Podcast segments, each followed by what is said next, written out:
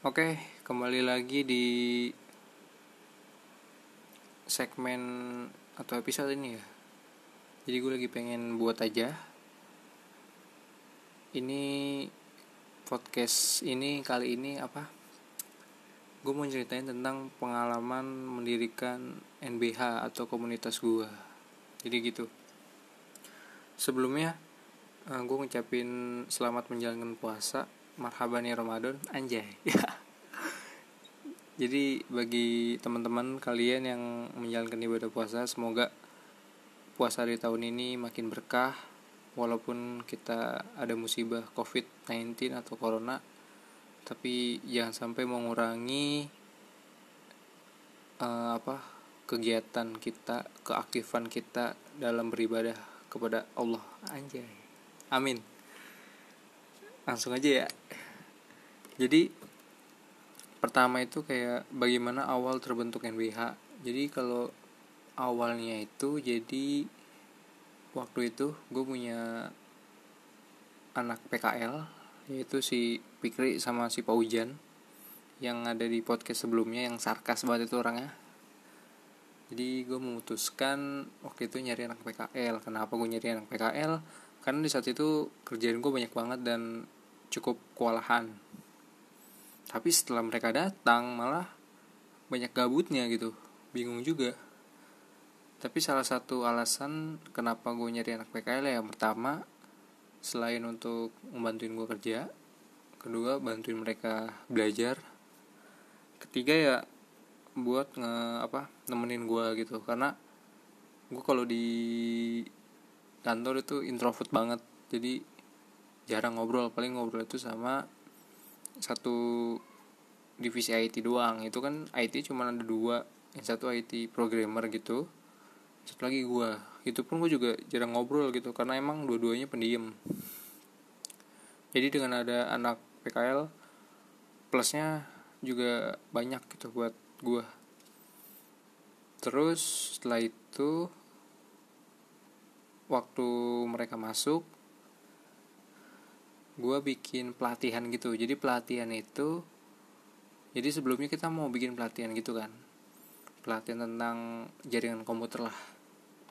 Nah cuman kita tiba-tiba pengen dibantah dibatalin gara-gara trainernya itu tidak hadir ataupun karena apa ya ada halangan gitulah. Tadi mau dibatalin tuh. Nah setelah ada pesertanya kita kan bingung gimana mau batalinnya akhirnya gue mengajukan mengajukan diri sebagai trainer atau sebagai guru atau sebagai pengajar materi tersebut gitu. Ke atasan gue jadi gue pengen gelarnya itu bareng atasan gue singkat cerita akhirnya gue diizinkan dan waktu itu kalau nggak salah ada enam orang deh. Iya enam orang termasuk si Fikri sama Paujan ini gitu.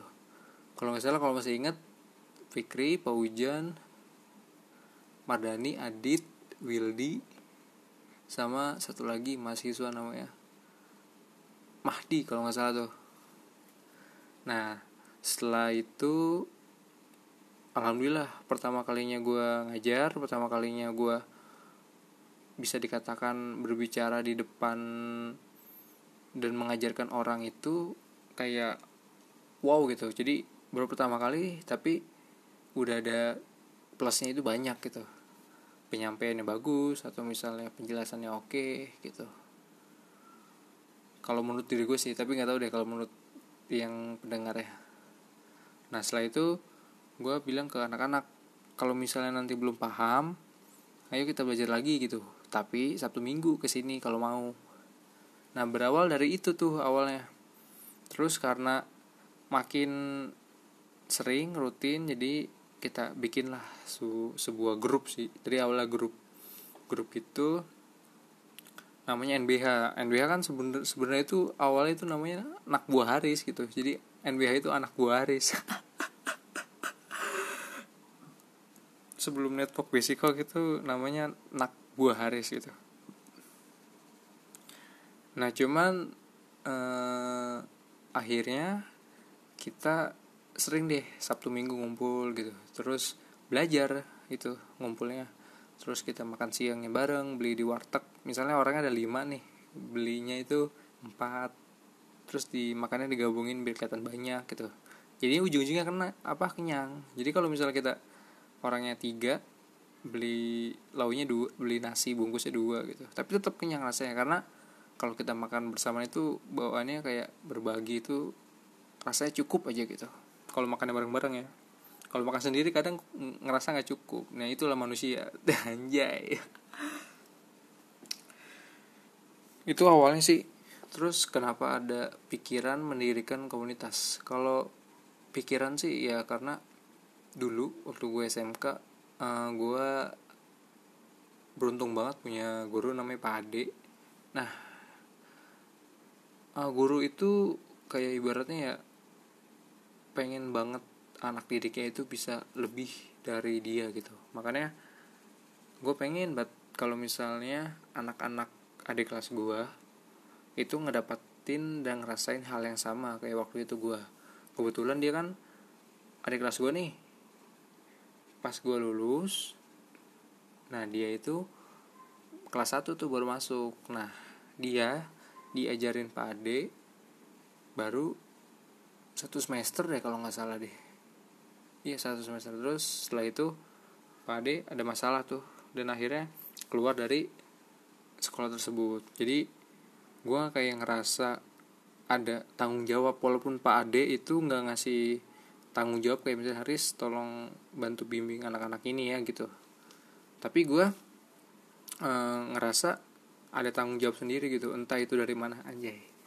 Tapi benar serius jujur nih nah akhirnya ya udah gue pikir kita bikin komunitas belajar aja gitu.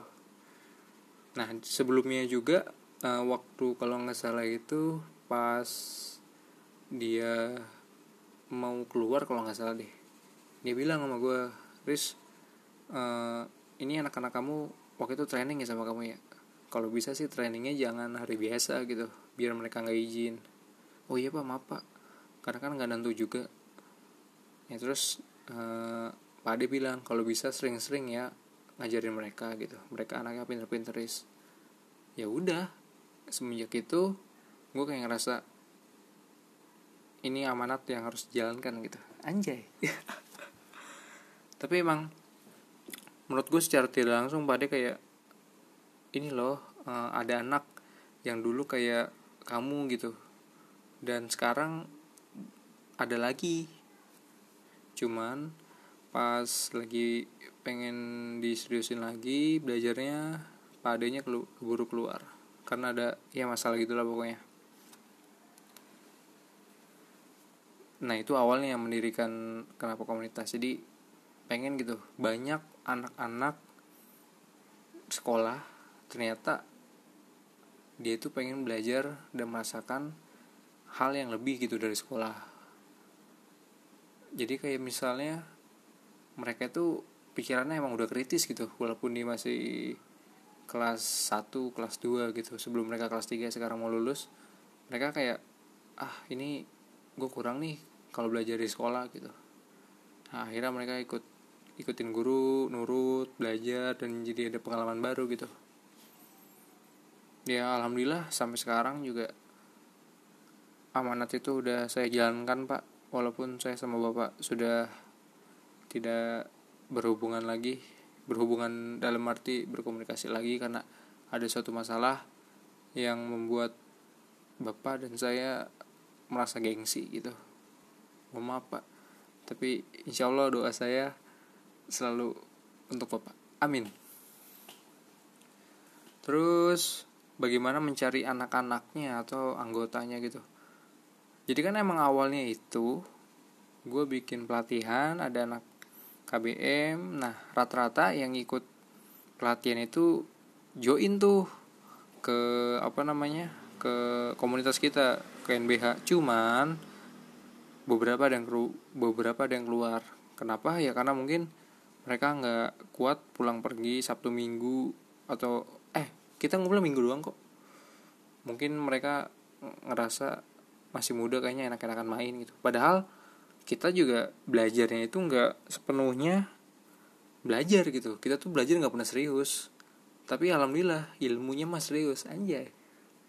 Jadi kalau dibilang kita membosankan atau misalnya gue mengajar yang membosankan juga dibilang enggak karena selama ini ya sampai sekarang pun kalau gue totalin nih ada 13 anak berarti kan mereka emang bener-bener orang-orang yang niat gitu dari sekian banyak orang gitu. Gue nggak nyalih nggak ngenyalahin yang nggak niat gitu tapi ya dengan mereka tiap minggu dateng dan walaupun nggak tiap minggu misalnya minggu ini datang minggu besok nggak minggu besoknya lagi datang gitu. Tapi dengan cara mereka datang berarti kan emang mereka niat meski meskipun belajarnya mungkin di sana perlu apa kurang atau misalnya belajarnya main-main gitu. Terus rekrutnya setelah gue nggak bikin training lagi rekrutnya ya kayak mantau gitu. Kayak eh cari lagi penerus NBH gitu. Yang sekiranya anaknya emang pengen belajar pengen Sabtu Minggu bisa datang ke sini gitu yang ikhlas. Pokoknya intinya mau belajar mau dia pinter apa blow on gitu atau bodoh ya seterah. Yang penting niatnya dia mau belajar. Karena buat apa kalau orang pinter tapi dia ngerasa dirinya udah pinter dan gak mau belajar berarti sama aja mereka uh, dia itu sombong gitu sama diri dia sendiri. Karena ilmu itu sebenarnya bertebaran di mana-mana cuman seberapa rendah hatinya kita mau menjadi guru atau menjadi murid itu kata Gusmus. Bener kan? Jadi sebenarnya ilmu itu banyak. Tergantung kita nih. Kita mau rendah hati untuk datang menyamperin nyamperin ilmu itu atau enggak gitu. Dan alhamdulillah gue punya anak-anak yang rendah hati banget. Mereka mau meluangkan waktu main mereka meluangkan waktu masa muda mereka. Setiap weekend ngumpul di kantor gue gitu untuk belajar bareng. Dan alhamdulillah kita juga di sana sering main gitu. Nggak cuma belajar terus. Dan alhamdulillah yang bertahan sampai sekarang emang anak-anak yang pengen belajar dan main-main gitu. Gue juga ngajarin kalau mereka anak-anak gitu masih pengen belajar pengen main gitu. Karena ya menurut gue ya emang masa-masa SMK gitu ya masa-masa lagi menemukan jati diri gitu. Main lah kerja kelompok lah have lah. Jadi kita sebagai guru juga harus ngerti gitu. Kita nggak boleh memaksakan si murid itu harus banget ngikutin kemauan kita. Sedangkan guru itu besar akibat eh aku akibat sih guru itu besar karena banyaknya murid gitu jadi kalau misalnya kita nyuruh nyuruh murid tuh kayak apa gitu? Karena guru itu ada karena ada murid. Jadi murid dulu nih yang ada nih baru ada guru. Jadi ya murid aja udah menghargai kita untuk uh, maksudnya itu menghargainya untuk mendengarkan materi yang kita sampaikan ya kita sebagai guru juga harus mengerti dia menghargai mereka gitu. Kalau misalnya kita kita lagi kesel nih otomatis kan si murid itu kayak oh pak ini pak Haris lagi kesel nih kita harus kayak gini. Nah begitupun sebaliknya. Kita sebagai guru kalau misalnya anak kita udah ngerasa bosan ya kita coba belajar yang ubah metode belajar yang inovatif lagi gitu. Haus ay ngomong dulu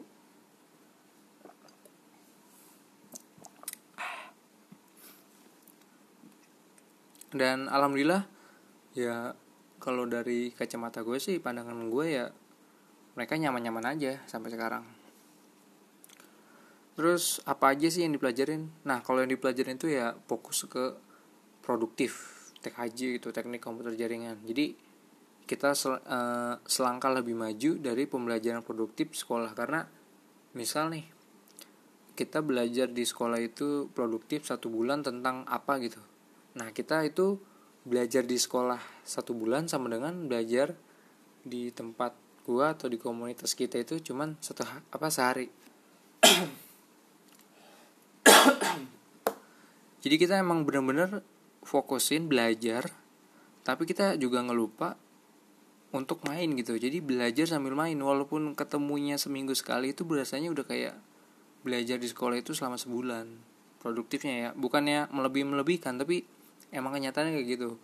Jadi kita belajar tetap dengan tujuan cuman suasananya lebih santai gitu. Yaitu ada trik sendirinya bagi seorang guru. Terus uh, bagaimana sistem belajarnya? Kalau sistem belajarnya awal-awal sih kayak gue udah apa ya udah menerapkan semua sistem belajar gitu. Dari yang kalau belajar nggak boleh megang HP HP-nya ditaruh di depan terus dari yang nanti belajar istirahat nanti belajar terus istirahat dari sekian teknik belajar ya yang gue yang gue akhirnya jalanin sekarang kalau mereka mood kita belajar. Kalau gue udah ngeliat mukanya kayak pusing kayak mager kayak udah nggak mood ya kita stop kita main HP istirahat. Jadi kalau kita menekankan HP harus ditaruh di depan terus kita nyuruh mereka ayo yang misalnya udah selesai kita HP-nya boleh diambil gitu. Nah itu kan sama aja membuat halusinasi mereka pikiran mereka itu fokusnya ke HP jadi mereka mengeja menge, mengeja eh, mengerjakan soal atau misal tugas atau misalnya apa yang diberikan oleh guru itu tujuannya ya untuk supaya megang HP-nya gitu. Nah sekarang gue ubah. Jadi kalau misalnya mood ayo kita belajar gitu. Tapi biasanya gue sih yang lebih peka gitu sebagai guru yang harus peka mereka. Jadi kalau misalnya mereka udah mood ya udah stop dulu belajar ya terus kalau mau mereka belajar sambil main HP sok silakan. Yang penting uh, main HP-nya itu nggak terlalu sering dan tetap fokus gitu. Jadi kalau misalnya kita lagi belajar ada yang WA atau mantan WA atau nge DM ya silakan boleh. Gebetan pun nggak apa-apa. Cuman nanti gue bilang ada batasnya sendiri gitu. Rata-rata sih mereka uh, akhirnya sadar diri sih gitu. Karena sebenarnya kalau misalnya kita bebaskan si murid itu kayak mikir ah kayaknya gue terlalu ber, terlalu bebas dah. Gue udah diizinin main HP tapi masa gue main HP terus? Nah biasanya kalau anak-anak muda kayak gitu kan bisa mikir kayak gitu. Nah alhamdulillah gue sebagai guru mikir kayak gitu aja sistem belajarnya. Tapi alhamdulillah sampai sekarang walaupun kita sistem sistem belajarnya lebih santai tetap dengan tujuan materi kita gitu. Jadi kita nggak nggak pernah ketinggalan sama pelajaran sekolah walaupun kita sesantai mungkin gitu. Perlu diingat. Terus apa lagi? Apa keuntungan dan kerugiannya? Keuntungannya banyak. Gue bisa melatih skill gue dalam mengajar. Jadi semua teknik belajar maksudnya teknik mengajar itu gue ajarin ke mereka nanti kan gue sebagai guru bisa memfilter nih mana teknik belajar yang mampu bikin dia atau mereka itu lebih nyaman gitu. Nah kalau udah kayak gitu ketika nanti gue ngajar di tempat yang formal di sekolah atau di tempat kuliah gue akan lebih siap ngadepin uh, murid-murid gue gitu atau audi apa audience. Keuntungan itu kerugiannya mungkin kalau kita terlalu friendly sama murid kadang murid seenaknya sama kita. Nah itu sebenarnya uh, kerugiannya ada tapi masih ada sisi positif sama sisi negatif. Mungkin sisi positifnya kita lebih friendly sama mereka dan mereka nganggapnya kita temen gitu. Karena sebenarnya komunitas ini kita menamakannya keluarga gitu. Jadi emang bener-bener kayak keluarga gitu. Sering ngumpul bareng tidur bareng nginep bareng gitu nggak mandang uh, lu guru tidurnya di atas lu murid tidur di bawah gitu nggak mandang gitu. Kita tidur di kasur yang sama karpet biru. Jadi kita punya kasur itu empuk banget pokoknya. Jadi kayak gitu. Kerugiannya ya mungkin kalau misalnya kita terlalu friendly sama murid murid murid jadi ya seenaknya gitu. Tapi ya semua kembali lagi ke diri masing-masing bagaimana cara pandangnya gitu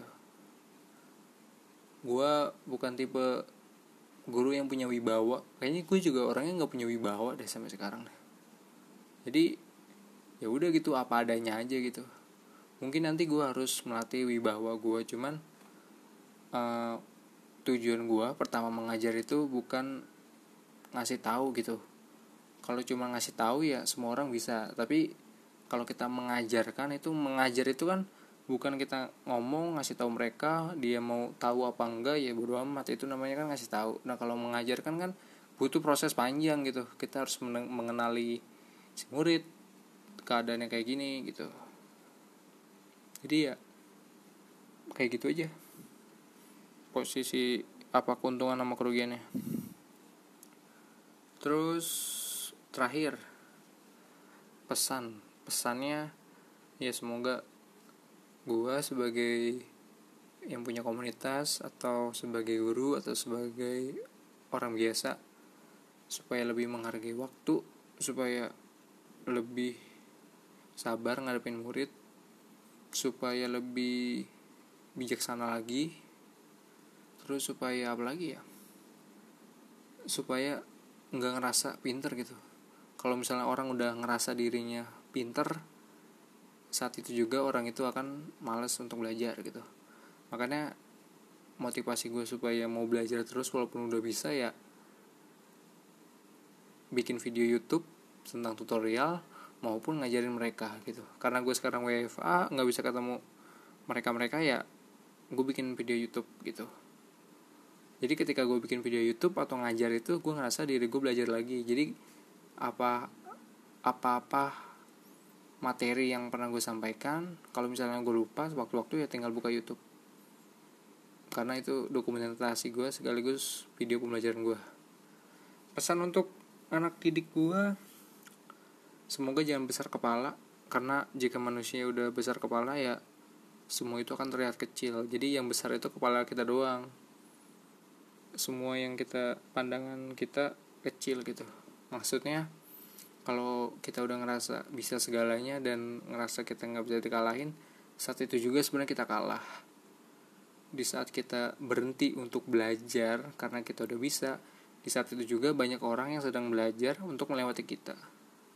Jadi sebenarnya jadikanlah belajar itu sebagai e, nafas gitu kayak kehidupan. Kalau misalnya kita nggak napas ya kita mati. Ya kalau misalnya kita nggak belajar ya mati juga pikiran kita gitu.